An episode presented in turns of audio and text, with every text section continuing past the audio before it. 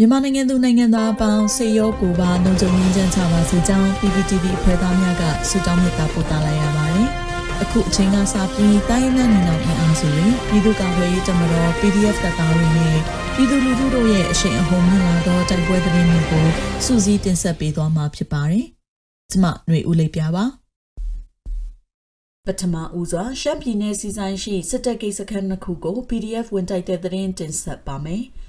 ရှမ်းပြည်နယ်စီဆိုင်မြို့နယ်နောက်ထော်ကြီးရွာရှိစစ်ကောင်စီတပ်၏ရွာအရှိတ်စခန်းနှင့်ရွာတောင်ဘက်စခန်းကို PDF တပ်များကယနေ့နနက်ပိုင်းဝင်ရောက်တိုက်ခိုက်သိမ်းပိုက်ပြီးစစ်ကောင်စီတပ်ဖက်မှ20ဦးထပ်မံတေဆုံနိုင်ကြောင်းဒေသခံများထပ်မံသိရှိရပါသည်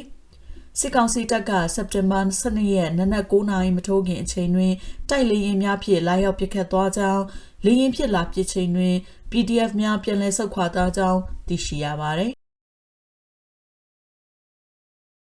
ဆက်လက်ပြီးမုံရွာမြို့တွင်စစ်ကောင်စီတပ်တပ်ဆွဲထားသောမြို့ဝင်ဂိတ်စခန်းလက်နက်ကြီးဖြင့်ပစ်ခတ်ခံရတဲ့တရင်တင်ဆက်မှာပါ။စကိုင်းတိုင်းမုံရွာမြို့ရှိအကြံဖက်စစ်ကောင်စီတပ်ဖွဲ့များတပ်ဆွဲထားသောမအူဂိတ်စခန်းကိုစက်တင်ဘာလ23ရက်ည7:30မိနစ်တွင်ဒေသခံကာကွယ်ရေးတပ်ဖွဲ့များလက်နက်ကြီးများဖြင့်ပစ်ခတ်တိုက်ခိုက်ခဲ့ပြီးစစ်ကောင်စီတပ်ဖွဲ့ဝင်9ဦးသေဆုံးကြောင်းဒေသခံကာကွယ်ရေးတပ်များကထုတ်ပြန်ပါတယ်။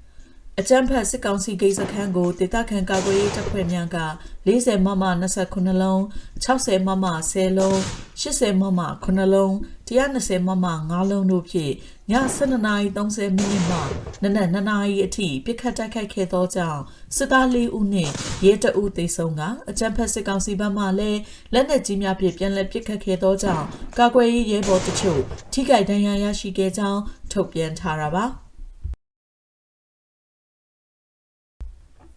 နောက်ဆုံးအနေနဲ့မုံရွာတွင်ရဲတအုပ်ကိုလက်နက်နဲ့အတူဖမ်းမိတဲ့တဲ့ရင်တင်ဆက်ပါမယ်။စကိုင်းတိုင်းမုံရွာမြို့နယ်တွင်စက်တင်ဘာလ12ရက်နေ့တွင်ရဲတအုပ်ဖမ်းမိခဲ့ပြီးခုခံထွက်ပြေးရန်စ조사ဖြင့်